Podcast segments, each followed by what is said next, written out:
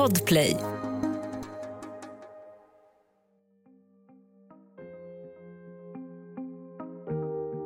Marcus Lutherman är spökskrivare.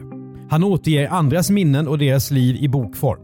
Han är van att höra dramatiska och känslostarka berättelser som förändrat människor. Men när han får frågan om att hjälpa en av våra största idrottare att skriva sin historia vet han först inte vad han är på väg att avslöja.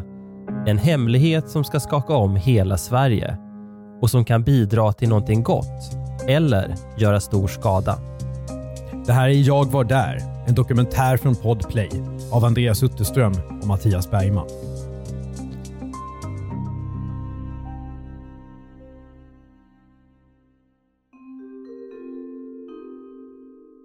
Jag heter Marcus Lutherman. Jag är journalist och författare. Varför blev du journalist? Jag ville rädda världen, som många andra. Jag hade varit Greenpeace-medlem sedan jag var nio år. Eh, jag minns att liksom, på min ena vägg så hängde en massa av de här hårdrocksaffischerna av Kiss och Twisted Sister och, de här, och sen på andra väggen så hade jag utklippta reportage om mina klimathjältar som åkte runt och rammade valfångstfartyg och sådär. Marcus är född 1973. Efter ganska många år som reporter på de stora svenska tidningarna började han skriva böcker. Det var en slump faktiskt. Jag, eh, jag är gammal backpacker och jag och min nuvarande hustru Malin var ute på en lång resa i Sydamerika år 2013. Och när vi kom till La Paz i Bolivia så hade vi hört talas om ett fängelse där man kunde muta sig in eh, och låta följa med på en guidad tur som arrangerades av fångarna själva. Och vi lyckades muta oss in på det där fängelset och fången som blev vår guide var en svensk kille som heter Jonas Andersson. Och den historien som han berättade för oss och att den utspelade sig i den absolut eh, knasigaste miljö jag någonsin har upplevt eh, ledde så småningom till att jag skrev en bok om, om hans liv, hur han hamnade där och åren i fängelset. Boken heter El Choco och kommer att bli en storsäljare. Och den boken gav mig lite, lite blodad hand får man säga. Det var så pass roligt att skriva den boken så att jag kände att det här var ett, ett väldigt roligt sätt att få jobba med, med journalistik eh, i en annan form och betydligt mer djupgående än jag hade gjort tidigare. År 2010 är Marcus webbredaktör på lokaltidningen Närkes Allehanda i Örebro, där han bor en förläggare på Norstedts ringer upp mig och säger ganska direkt att Hej Marcus, vi ska ge ut Patrik Sjöbergs memoarer. Eh, vi undrar om du har lust att skriva dem. Jag hade gett ut två böcker tidigare på Norstedts och Per tyckte väl att jag var, kunde vara lämpad för det här uppdraget. Då. Men min spontana tanke är att det vill jag inte alls. Kände att det här verkar inget kul alls. Patrik Sjöberg i min bild, jag hade ju bara mediebilden av Patrik Sjöberg, han verkar vara en ganska dryg och arrogant eh, människa. Och jag hade för mitt inre bestämt mig för att jag inte skulle vilja skulle jobba med kändisar överhuvudtaget. Jag tyckte det var mycket roligare att hitta de här anonyma människoödena som, eh, där det fanns en väldigt intressant historia att berätta. Dessutom kändes Patrik Sjöberg som kändis väldigt uttjatad. Jag förstod inte vad han skulle kunna ha för nytt att säga. Ja, Patrik Sjöberg är långt ifrån underrapporterad. En av de svenska idrottare som alla känner till. Om inte för kvällstidningslöpsedlar, en kokainskandal och ständiga gräl, så självklart för höjdhopparkarriären. Krönt med ett världsrekord på 2.42 som han sätter 1987. Här i SVT. Längst bort mot väggen bakom Patrik här står en man som har följt honom under hela hans höjdhopparkarriär. Styvfadern och tränaren Viljo Nousiainen i blå jeansjacka där just till höger om Patriks huvud. För sju, åtta år sedan när Viljo reste runt med landslaget som tränare hade han ofta en mycket ung grabb med sig. En lång kille som inte sa särskilt mycket men som tränade höjdhopp mycket ambitiöst innan de stora grabbarna landskampade. Här sätter han världsrekord. Det är ju skillnad mellan kval och final. Kval det, det är väldigt sömnigt. Va? Det, alla vet att de som ska klara det kommer klara det. Det är kanske en eller två då som gör bort sig. Så därför är det väldigt avspänt. Det är ingen som är... I och med att det inte är en tävling egentligen. Och för det tredje så var han ju omvittnat svår att samarbeta med. Och så mycket hade jag lärt mig att om man ska skriva en bok som ändå tar ett halvår att göra och jobba väldigt nära en annan människa, prata om djupa känslor, tankar, då måste det finnas en tillit och ett förtroende och en samarbetsförmåga. Och helt ärligt så tvivlade jag på att, eh, att Patrik Sjöberg hade en sån samarbetsförmåga. Är du intresserad av friidrott? Nej, men det är så. Jo, eller så här. Jag tycker det är jättekul att titta på EM och VM och de här stora tävlingarna. Jag är ingen nörd, men det såg jag snarare som en fördel. Jag har läst böcker skrivna av fans och de böckerna blir väldigt sällan läsvärda. Jag tror att det är ett, ett bra, en bra utgångspunkt att man eh, kan ta några steg tillbaka och inte vara för imponerad av den man skriver om. Nej, Marcus Lutherman ställer sig kall till erbjudandet. Men en bok kommer det att bli. Men Per Faustino hörde väl min tvekan. Då sa han ja, men Patrik har något nytt att komma med. Han har något nytt eh, att berätta som han aldrig har berättat om tidigare. Det är klart, när man får höra sånt så väcks en nyfikenhet i en. Jag är trots allt journalist. Och min spontana tanke var att antingen att det skulle handla om doping, att han skulle säga att han själv hade varit dopad när han slog sitt världsrekord eller att doping var väldigt, väldigt utbredd in, inom höjdhoppningen på 80-talet. De hade hoppat så väldigt, väldigt högt då under hans aktiva tid jämfört med vad de gjorde både tidigare och senare. Det andra var att jag tänkte att det skulle kunna ha någonting med narkotikasmuggling att göra. Och det, det kom sig av att jag hade läst en gammal, jag hade en gammal artikel från Aftonbladet i minnet i den där artikeln beskriver tidningen knarksmugglarrutter och jämför med Sjöbergs egna resor. Några riktiga bevis finns inte, men antydningarna är klara. Marcus hör alltså rätt många varningsklockor för bokprojektet. Men han vill inte riktigt stänga dörren. Vi bestämde en dag och en tid där jag skulle komma upp, upp till Norstedts och ta en fika då med förläggaren och Patrik Sjöberg. Jag visste också, jag hade väl läst om Patrik Sjöberg i intervjuet, att han gillade hårdrock. Så jag hade med mig två eh, biografier om, om hårdrock. En som jag tyckte väldigt mycket om, det är boken The Dirt som handlar om rockbandet Motley Crue. Eh, och det andra var en biografi om Lemmy. Den här boken är väldigt tråkig. så jag tog med de här böckerna eh, till Patrik och så sa jag så här, om, om vi ska jobba ihop, du och jag, då vill jag att vi ska jobba som The Dirt. Patrik hade också läst de här två böckerna och liksom, eh, tyckte precis som, som jag. Liksom. Jag vill ha skiten på bordet. Jag vill inte skriva någon hyllande sportbiografi om dig, utan jag vill att vi ska skriva om, om livet som det är.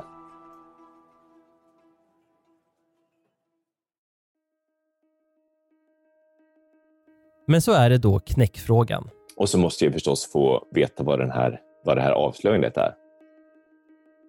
Och Då säger Patrik att det tänker inte jag säga förrän vi har ett avtal.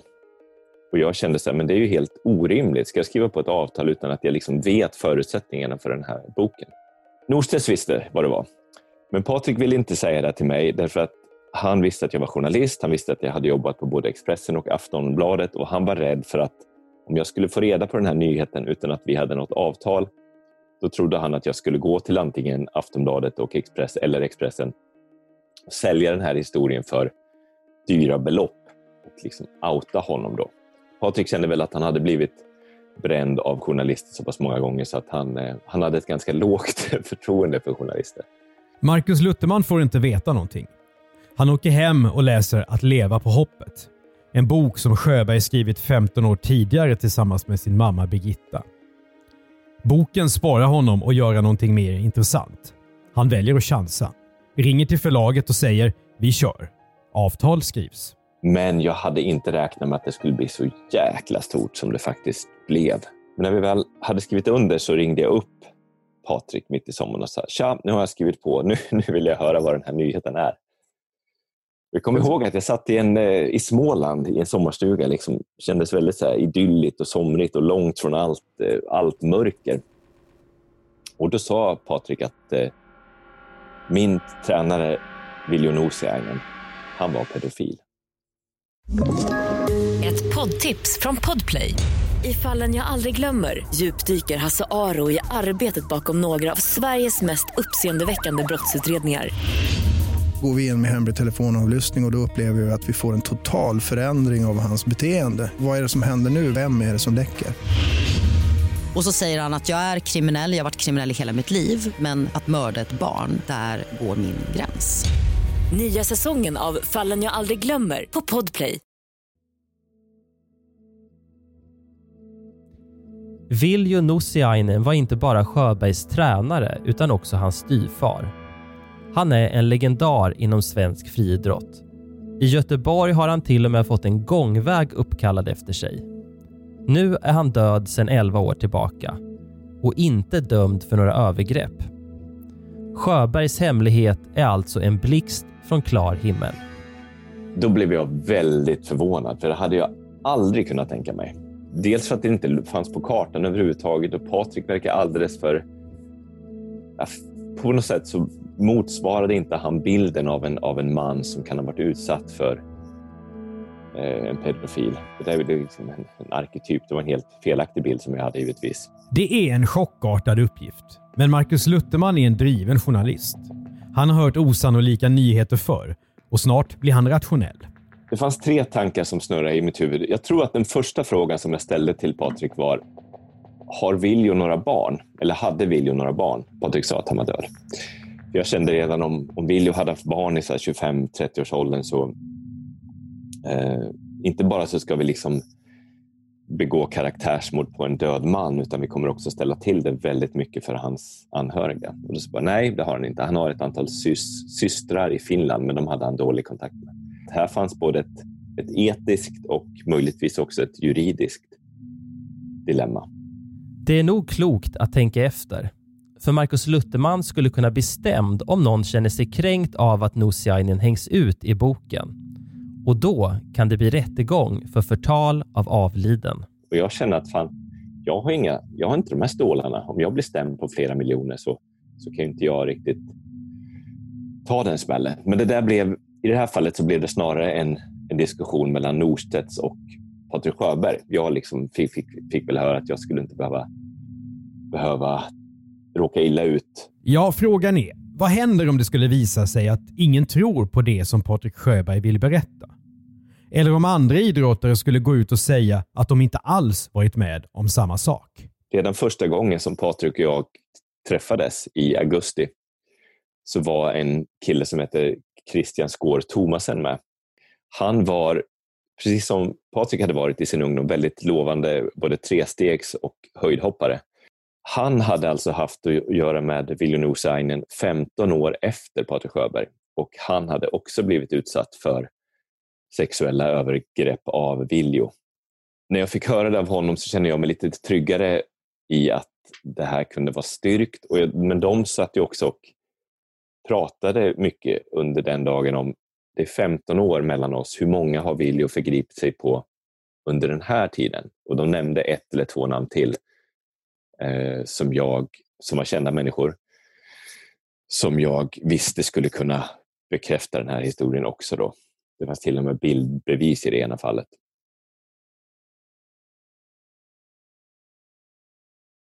En uppburen person som anklagas för ett av de mest avskyvärda brott som finns. Markus Lutterman förstår att den här boken inte kommer att försvinna i mängden plötsligt när det här kändes plötsligt så stort så kändes det också viktigt. Om folk vill fortsätta hylla Viljo för hans träningsgärningar, då vill jag också att de ska känna till den här andra delen om honom. Den här hemligheten som du har fått veta nu, mm. berättar du om den för någon? Jag berättade för min hustru givetvis. Henne bollar jag allt med. Men inte för någon annan. De börjar gå igenom Patrik Sjöbergs liv kronologiskt. Brett och översiktligt. Vilka milstolpar finns det? Och utifrån dem hittar Marcus vad som är intressant att borra mer i. Och vilka scener som kan vara tydliga och säga någonting mer om vem Patrik Sjöberg är. Hur funkar metoden när man skriver eh, åt någon annan på det här sättet? Det är nog väldigt olika. Vi gjorde så att vi sågs en eller två dagar i veckan eh, under två månaders tid och då satt vi verkligen heldagar och pratade Eh, och jag bandade alla samtal och sen så åkte jag hem och skrev ut dem. Och det här, alla som har suttit och skrivit ut bandade samtal vet att det är ju extremt tråkigt och tidsödande. Men jag hade aldrig skrivit en bok i jag-form tidigare och jag kände att då behöver jag ju skapa illusionen av att det är Patrik Sjöberg som talar till läsaren. Och Då kände jag då behöver jag komma in i hans språk. Så det är en sån otroligt stor skillnad på ett talspråk och ett, ett skriftspråk. Dessutom pratar han göteborgska och det är ju en väldigt särpräglad dialekt. Och även om inte han är någon människa som är så full av Kurt Olssonsk Göteborg-humor så är göteborgskan det är liksom en extremt en talad dialekt som man aldrig kan översätta till skriftspråk.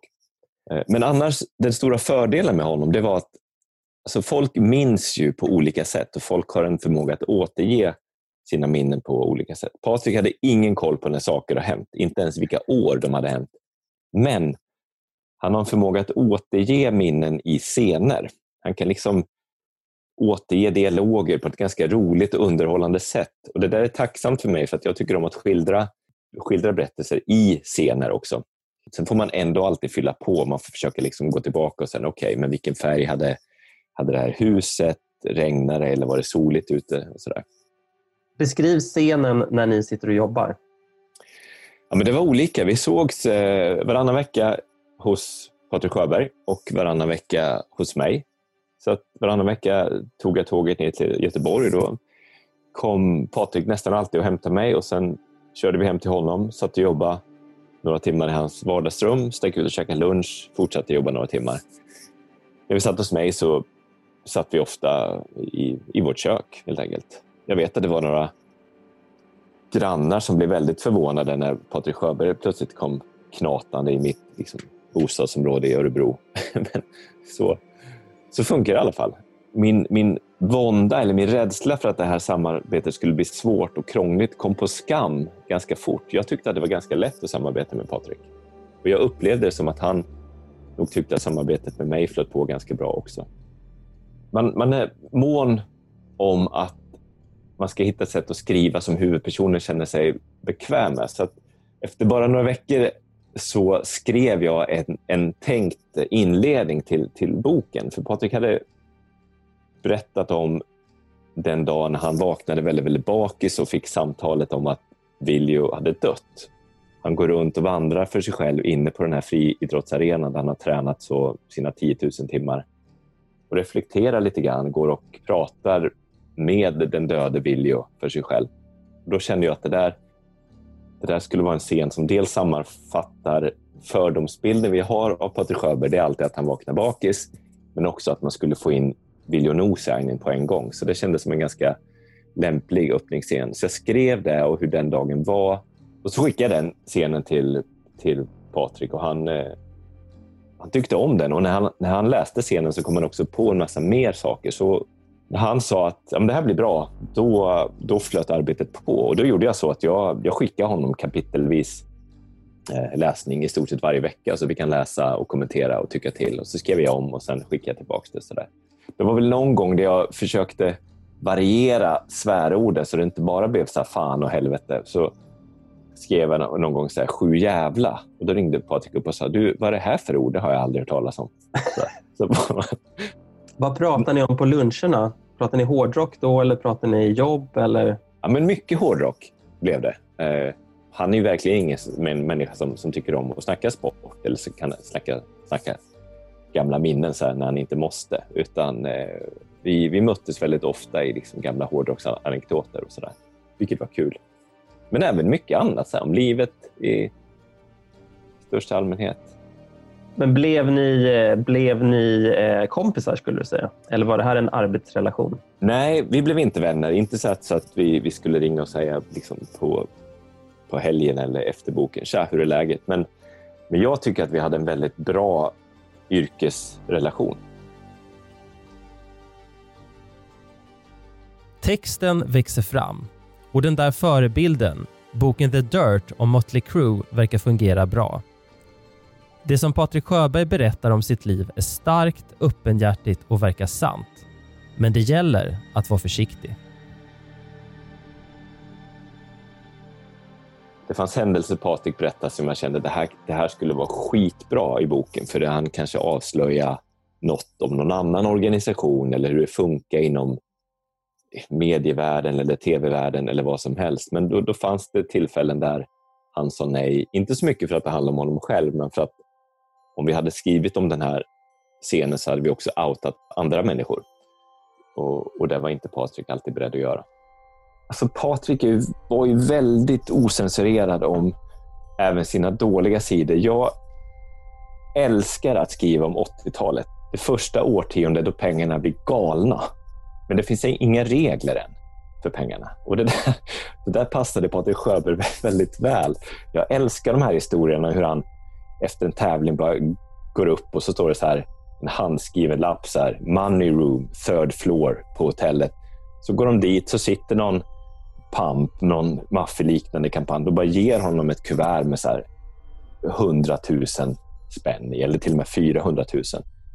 Och någonstans sitter ju någon stackars jäkla revisor och ska få ihop liksom debet och kredit för den här galan. Liksom, jag tycker sådana där historier är, fantastiska. Och när de ska ta dopingprov och de, de serveras öl för att liksom kunna pissa bättre. Patrik säger att det var ju skitroliga efterfester. Man gick runt med sina pissmuggar och, och, och ölade. Liksom. Så där, jag älskar sådana anekdoter. Han kunde rota fram i alla fall, och det här har vi publicerat i boken, någon sån enkätundersökning bland friidrottare på 70-talet om så här, där frågan var så här, har, du någonsin dopat dig? Och det är jättemånga som svarar ja. Det, det, som gjorde, det som stod klart för mig var att Patrik var väldigt långt före sin tid. Idag snackar alla idrottsstjärnor om att de vill ha stora pengar och de vill ha stora kontrakt med med företag och, och tidningarna skriver om det som det är det mest naturliga i världen. Men på Patriks tid när han sa att men jag vill ha mer stålar från, från Kodak än någon annan, för jag är faktiskt den stora stjärnan. Då var det en stor skandal. Det finns ett foto som inte existerar, men som jag skulle älska att ha på min vägg. Eh, det är från Seoul 1988, OS. Då, jag har för mig att det är så här, Patrik Sjöberg ska in och hoppa kval och Ben Johnson, den här kanadensaren som, som då var världens, blev världens bästa 100-meterslöpare, de håller på att värma upp på den här eh, uppvärmningsanläggningen som ligger intill huvudstadion. Ben ska springa in och springa 100 meter och, och, och, och Patrik ska hoppa. Och så sätter de sig på en bänk och delar en cigg. Jag tror inte att det skulle kunna hända idag. Det låter som att ni skrattade en hel del eh, under det här arbetet. Jättemycket. Sjöbergs liv är färgstarkt, men grundtonarten i arbetet går i moll. Det stora avslöjandet om sexutnyttjandena ligger där som en matta och ska såklart också fram. Markus Lutterman får anledning att sätta sig in i vem Viljo Nussiainen egentligen var. Och han hittar nya fakta. Ja, men spännande saker. Han är ju verkligen en, eh, klassisk bluffmakartyp som har, liksom, han har lurat sig fram här i världen. Han, Patrik Sjöberg har alltid misstänkt att han, att han ljuger om, om en massa saker. Jag vet att, och, och vissa saker visste han redan innan. Någon gång hade Patrik och hans mamma och Viljo åkt till Finland och hälsat på några av Patriks syskon. Och sen hade de åkt till, till Viljos mammas grav. Och då var det till och med så att Patriks mamma hade sagt så här. Hörru Viljo, det är ju lite lustigt här. Du, du säger alltid att du är född 1946, men här står det att din mamma dog redan 44. Du är alltså född två år efter att hon hade dött. Sådana där saker är bara helt, helt onödiga att ljuga om. Ja, men han var ju en sån som hade sagt att han var, han var tränarutbildad vid Idrottshögskolan i Jyväskylä i Finland. Han hade varit ungdomsmästare i längdskidåkning, han hade varit duktig i boboll och basket och en massa sådana saker. Och Patrik hade alltid haft på känn att det där jag undrar jag om det stämmer, men han hade aldrig kollat upp det. Eh, så då gjorde jag det. Samtalet till Idrottshögskolan i Finland blir klargörande. Och så sa jag, hej, jag skulle vilja ut eh, William Nosiainens betyg. Här är hans personnummer. Och sen eh, kollade kanslisten upp det och så ringde hon upp mig efter några dagar och sa, vet du vad, jag är ledsen, men vi har aldrig haft någon elev med det namnet här. Och så ringde jag till eh, skidmuseet i Lahti som har all statistik över finsk längdskidåkning genom alla tider. Och då bad jag dem att kolla upp deras 30 bästa, eller om det var 20 bästa ungdomsåkare eh, under den tidsperiod då Viljo skulle ha kunnat varit med i ungdomslandslaget. Och de sa att vi hittar ingen Viljo Nusainen någonstans här. Trots att han var då helt helt självlärd så var han ju på många sätt en otroligt duktig tränare. Alla kan inte bli bäst i världen, men alla kan lära sig att få ut sitt max. Och Viljo Nosani var en sån som fick ut max av flera av de adepter som han hade i sitt stall. En lysande och uppburen tränare. Men de mörkare sidorna måste nu också berättas. Det som var svårt i början det var ju att jag kände så här. Jag behöver ha en eller två scener där läsaren får veta vad exakt gjorde William med dig, Patrik? Och Patrik hade ju aldrig pratat om de här sakerna med någon, förutom lite grann med Christian Skår Thomasen som jag, som jag tidigare men hade aldrig gått in i detalj och jag märkte i början att det var ganska svårt för honom att, att tala om de här sakerna. Om jag kände då att men här tar det stopp, nu, nu är det inte läge att pressa honom mer, då vet jag att den här tråden kan jag ta upp nästa vecka igen. Försöka komma lite längre. Blev han märkbart arg och hatisk när han pratade om Willy under era intervjuer? Nej, på något sätt, även inför mig under ganska lång tid så är det som att han tar på sig någon slags rustning för att skydda sig själv. Han har ett ganska så här neutralt ansikte. Eh, och Det här tror jag har varit ett sätt för honom att hantera medier. Han blev ju, han blev ju rikskändis redan som, som 16-åring. Jag tror att han hade behövt, liksom, behövt sätta upp en sköld. För jag kunde ju märka om det ringde någon gammal polare från hans ungdomstid, då blev han en helt annan människa. Då kunde han liksom plötsligt skratta högt och eh, på ett sätt som han inte riktigt gjorde med mig, åtminstone inte i början. Men hur var det sen då för dig att skriva de här äckligaste scenerna i boken när du, som du var inne på, när du beskriver exakt vad han gjorde för någonting? Ska jag säga? Jag skrev dem ganska sakligt. Så där. Jag försökte inte lägga in så, så mycket i det. Jag har inte minnen om att de var, att de, de var särskilt svåra. Jag vet att jag hela tiden försökte... Jag var mån om att Patrik skulle känna att de var okej. Ehm, okay. Um, jag tror inte Patrik ville liksom så vältra sig i de scenerna heller. För att utan, men han, vi ville ju liksom skildra, skildra några gånger vad som hade hänt. Patrik Sjöberg behövde ha att göra med Viljo under så lång tid så att det mer ilskan och hatet mot Viljo under hans ungdoms och vuxenår, det tar ju väldigt mycket mer plats i boken. För att det här är ju någonting som Patrik fick väldigt mycket skit för under sin aktiva tid. Att hur kan du vara så taskig mot Viljo? Han har ju faktiskt tagit dig till toppen och han har, han har liksom fått dig att bli bäst i världen. Hur kan du behandla honom så illa. Och Patrik hade ett stort behov att äntligen få berätta för omvärlden. Ja, men vet ni vad? Det finns faktiskt ett skäl. Jag vet att i vissa fall när jag varit ute och pratat om boken, så säger jag, ja, den där boken den skulle jag inte orka läsa. Det verkar vara så hemska saker. Då säger jag alltid att det här är en väldigt rolig bok, ofta. Den innehåller också vissa hemska saker. Men Viljo förekommer ju mycket, men det är ju, vi ger ju väldigt liten plats åt de här enskilda över, övergreppen.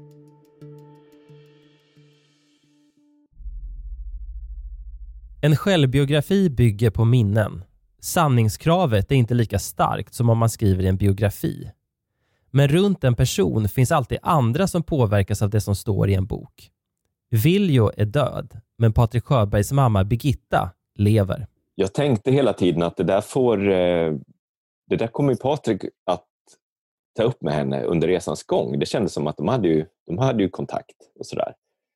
Eh, sen visade det sig att det tog ganska lång tid. Han, han eh, tog inte kontakt med sin mamma förrän väldigt i, i slutfasen av boken så berättade han vad, vad den här boken skulle handla om. Jag förstod att hon inte skulle tycka om att läsa alla delar såklart. Viljo hade ju valt att bli sambo med henne för att komma åt hennes son.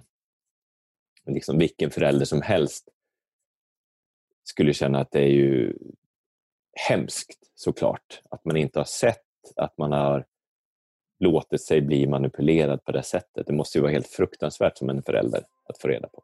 Det närmar sig publicering. Marcus skriver klart. På Norstedts förlag känner han den laddade stämningen i luften. Sjöbergs hemlighet får inte komma ut i förväg. För då kommer boken säljas sämre. Manuset får inte ens finnas i digital form utan utskriven och den som tog emot papperskopian fick signera det så att man alltid visste var någonstans på redaktionen det här manuset befann sig. Det i sig tycker jag var spännande, att det fanns en sån liksom känsla av att det här, det här blir stort. Jag räknade såklart med att det skulle bli löpsedlar och första sidor. Allt annat tycker jag hade varit konstigt. Det är ett projekt med risker. Vad blir reaktionerna om samhället ryggar för att ta emot Sjöbergs historia? Och Marcus Lutterman har också en annan oro. Det fanns en rädsla hos mig också och det var att avslöjandet om att en friidrottstränare hade förgripit sig på barn skulle få konsekvenser för eh, den ideella idrottsrörelsen. Jag hade i minnet av, det fanns en pedofilskandal eh, inom förskoleverksamheten i Örebro på 90-talet som blev en jättestor mediebomb. Och den skandalen mer eller mindre utrotade manliga förskollärare under lång tid. Man kände att det fanns en risk att man blev misstänkliggjord utifrån sitt kön. Och jag hade redan barn som hade börjat testa på lite olika sporter. Jag visste att så fort man sätter en, ett, ett barn i någon idrottssammanhang så frågar man alltid kan du hjälpa till? Kan du vara med på något sätt? Kan du träna? Det är väldigt svårt att få föräldrar att ställa upp. Och Jag var rädd att ett sånt här avslöjande skulle eh, minska den lusten, speciellt hos pappor, ännu mer att, att ställa upp. I november 2010 är Sjöberg gäst i David Helenius talkshow i TV4.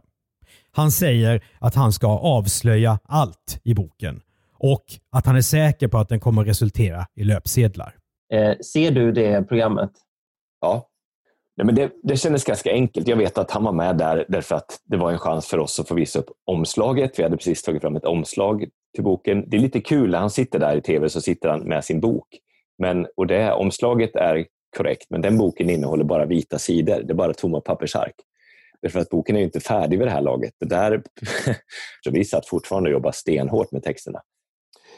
Jag fick några samtal från, åtminstone från Aftonbladet som ville göra en sak som de ofta gör. Att de undrade om de skulle, liksom, några dagar innan publiceringsdatum, om någon skulle få kunna publicera ett eller ett par kapitel i, i boken. Och när jag minns att de ringde mig om det och när jag tackade nej, då blev de förvånade och då tror jag att de förstod att okej, okay, det här är någonting mer. Det här innehåller inte bara gammal skåpmat. Det kommer att finnas någonting mer i detta som är väldigt intressant. Ja, boken börjar skapa vittring och titeln, Det du inte såg, är inte riktigt vad idrottares memoarer brukar heta. Norstedts gör reklam för boken i sina sociala medier. Nu är det dags berätta min historia med mina ord och mitt liv. Det kommer skapa rubriker igen, garanterat. Det blir den 27 april 2011. Dagen innan boken ska ges ut så har vi en, en intervjudag. Och då sker något ganska ovanligt. Då skickar vi ut manuset till ett antal utvalda journalister. Eh, men med ett embargo, det vill säga journalisterna måste skriva på ett avtal om att de inte får publicera något om det de läser förrän en viss tidpunkt, i det här fallet då nästa dag. Det är väldigt, väldigt sällan journalister går med på det här därför att man blir bakbunden, man hamnar i händerna på någonting som man kanske inte, inte kan, kan styra och så, och så vidare. Men jag, jag, jag tror faktiskt att ingen av dem som vi erbjöd detta tackade nej. Eh, så att de som kom och intervjuade Patrik Sjöberg, det var ju liksom Dagens Nyheter, Svenska Dagbladet, Göteborgs-Posten, Expressen, Aftonbladet, TT, Sveriges Radio var det väl också då. De hade ju läst, vilket var en fördel då, så att de intervjuerna handlar ju hela dagen om Willy Nosain. Det var ju nästan de frågorna som de ställde allra mest. Och hur var det för dig då att sitta på andra sidan? Du som har varit reporter i många år. Ja, men jättekul. Otroligt roligt. Vi fick ganska mycket uppmärksamhet med min första bok El Choco, men den uppmärksamheten kom oftast i efterhand. Jag hade liksom inte varit med om den här medie, mediecirkusen riktigt innan. Reportrarna som ska publicera sina texter tidigt på morgonen har fått vad de tycker sig behöva. De sätter sig och skriver.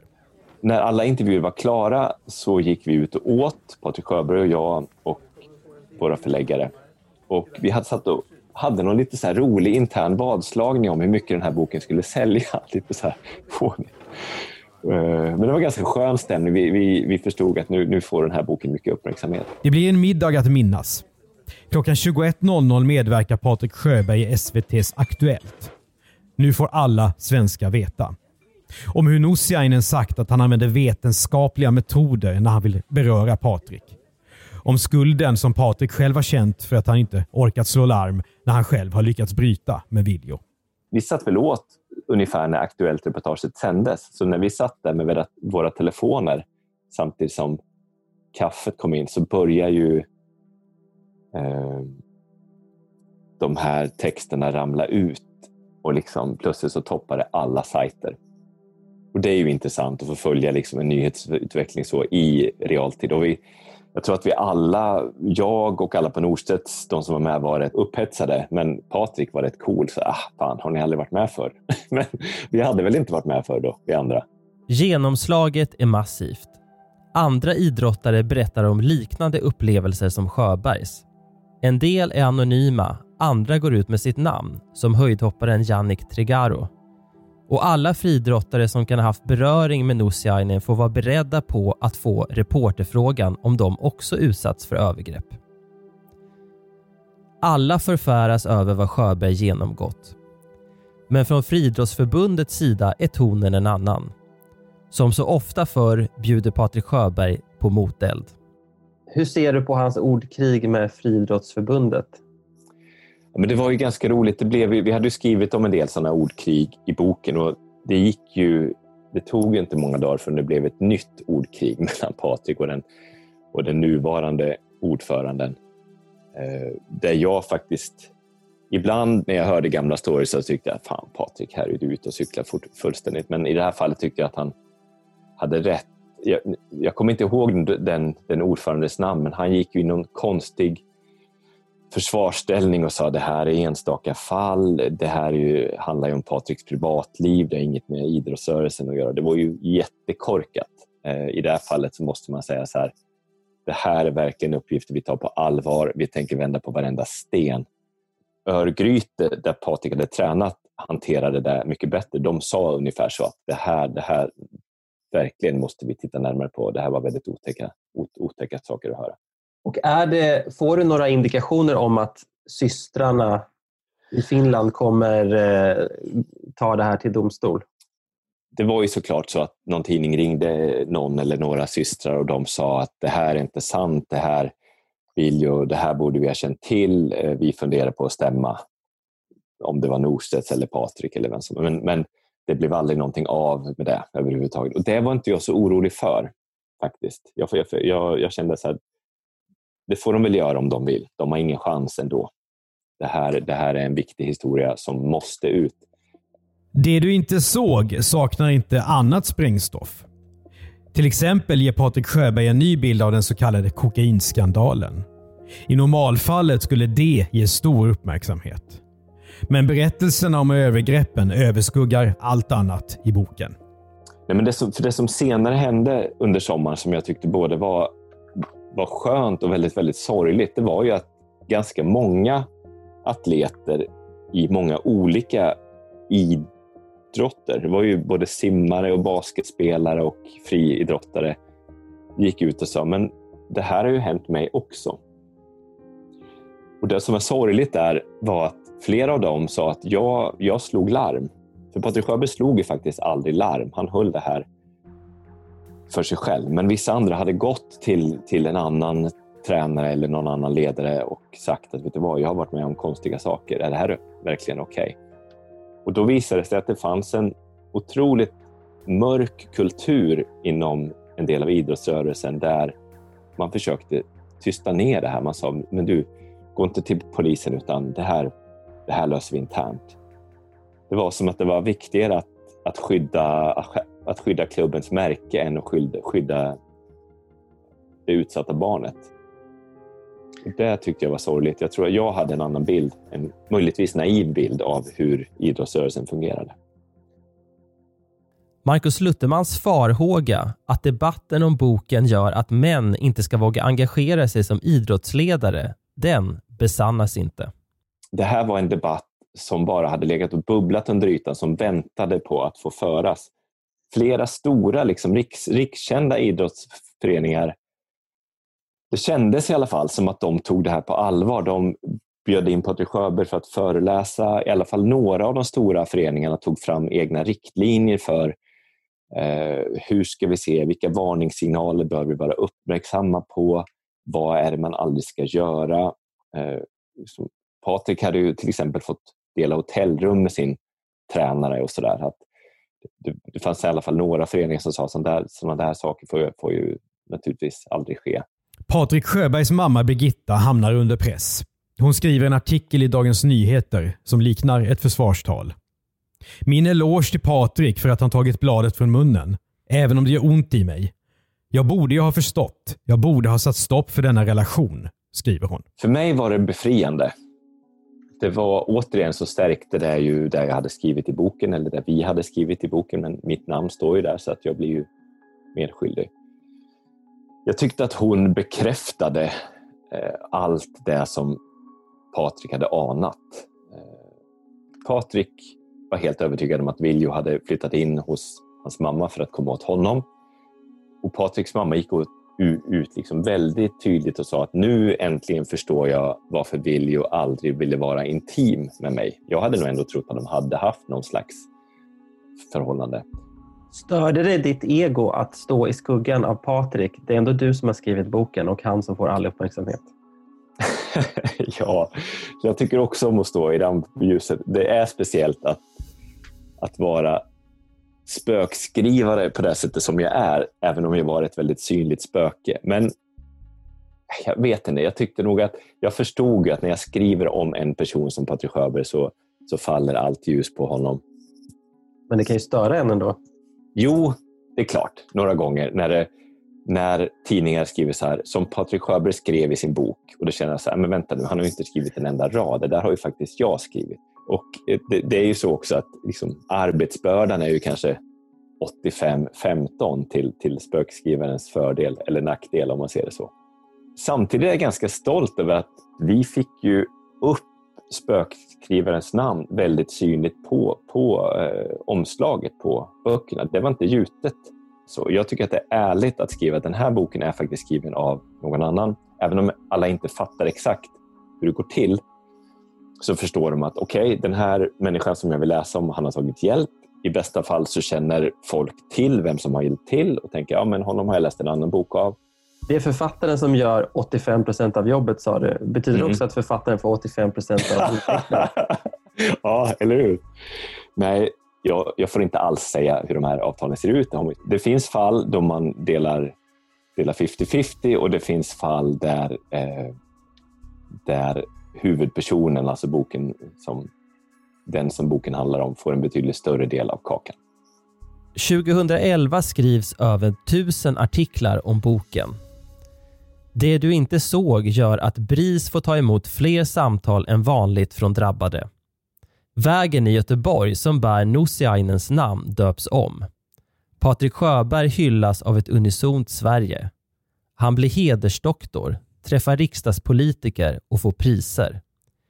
Idrottshjälten som alltid varit en omstridd person har blivit en slags folkhjälte. Så det leder till väldigt mycket för honom. Mm. Vad leder det till för Markus Lutterman, den här boken? Men det leder till att fler personer hör av sig eh, om, och frågar om jag också vill skriva om, om, om deras öden. Jag vill dock säga att faktiskt de allra flesta som hör av sig till mig och frågar om inte jag vill skriva deras historia har läst El Choco i första hand. Eh, många som hör av sig till mig har suttit eller sitter i fängelse. Det är fortfarande den vanligaste kategorin av människor. Jag tackar ju nej till nästan alla. Eh, och en del av dem som jag tackar nej till ser jag sen eh, att det blir en bok av. Jag kan se dem i, i, i kataloger och på liksom, i, i bokhandlar. Och Det tycker jag är skönt för att ibland är det så att jag tycker att det är en väldigt bra story. Jag bara känner att det, inte, det, inte, det, det passar inte mig att skriva just då eller, eller jag har inte tid just då. Jag är uppbokad med annat och sådär. Varje år ges flera tusen böcker ut i Sverige. Många av dem är genomarbetade, men få får stort genomslag. Det du inte såg ledde till en chockeffekt och en stor diskussion. Jag tror i efterhand att det var skitviktigt att det var en sån person som Patrik Sjöberg som blev ansiktet för den här debatten. Därför att han är stor och lång, han är kaxig och han är tatuerad. När han gick ut med det här så visade han att det var okej. Okay. Man behövde inte få någon slags töntstämpel om man gick ut med det här. För jag kommer ihåg att jag under arbetet med boken sa någon gång till Patrik att du vet att när den här boken är ute, då, då kommer du att förlora din, din bad stämpel helt och hållet. Du, du kommer bli en helt annan person i massmediernas och människornas ögon. Delvis blev han det, men på något sätt har han ändå lyckats fortsätta behålla sin eh, lite så här bad boy, kaxiga image och ändå vara ansiktet utåt för det här. Och det, det måste jag säga, det, det är ganska imponerande. Marcus Lutterman har gått vidare och skrivit fler självbiografier, deckare med Måns Kallentoft och två egna romaner. Idag jobbar han som klimatkommunikatör på We Don't Have Time. Men månaderna med Patrik Sjöberg kommer han aldrig att glömma. Nio år efter att boken kom ut, hur ser Marcus Luttman idag på kraften i boken? Den tog locket av en debatt som behövde föras, som ingen riktigt visste hur de skulle föra. Det här var en debatt som behövde ett ansikte. Patrik Sjöberg gjorde en jäkligt stor insats genom att bli ansiktet för den kampanjen. Patriks historia gjorde att andra också vågade berätta om det här och det, det värdet är ju, är ju eh, det, det, det, det, har ju ett ovärderligt högt eh, värde. Jag vet att Patrik har sagt väldigt fina saker när han har stått och signerat böcker så, så kan det komma fram så här, gubbar i 85-årsåldern som, som bara nickar mot honom och säger så här, jag, jag vet. Och då förstår Patrik att de har varit med om samma sak och de kanske aldrig har det kanske, den nicken Patrik får är kanske det första gången de liksom ens hintar om att de har varit med om sådana saker. Du har hört ett avsnitt av Jag var där, en dokumentär från Podplay av Andreas Utterström och Mattias Bergman.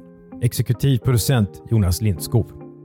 För Podplay gör vi även poddarna Misslyckade brott, Misslyckade makthavare och Misslyckade affärer. Vi utgör också innehållsbyrån Commercial Content, hjälper företag att berätta om sig själva och gör då podden världens bästa innehåll. Prenumerera och betygsätt gärna på podden i din poddspelare så är det fler som hittar till den. Och tipsa oss om fall och nyheter som vi borde prata om i Jag var där till jagvardar.bplus.se.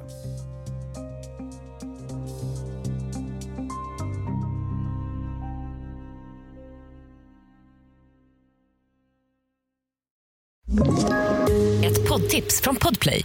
I podden Något Kaiko garanterar östgötarna Brutti och jag, Davva, dig en stor dos skratt. Där följer jag pladask för köttätandet igen. Man är lite som en jävla vampyr. Man har fått lite blodsmak och då måste man ha mer. Udda spaningar, fängslande anekdoter och en och annan arg rant. Jag måste ha mitt kaffe på morgonen för annars är jag ingen trevlig människa. Då är du ingen trevlig människa, punkt. Något Kaiko, hör du på Podplay. Därför är gardinerna.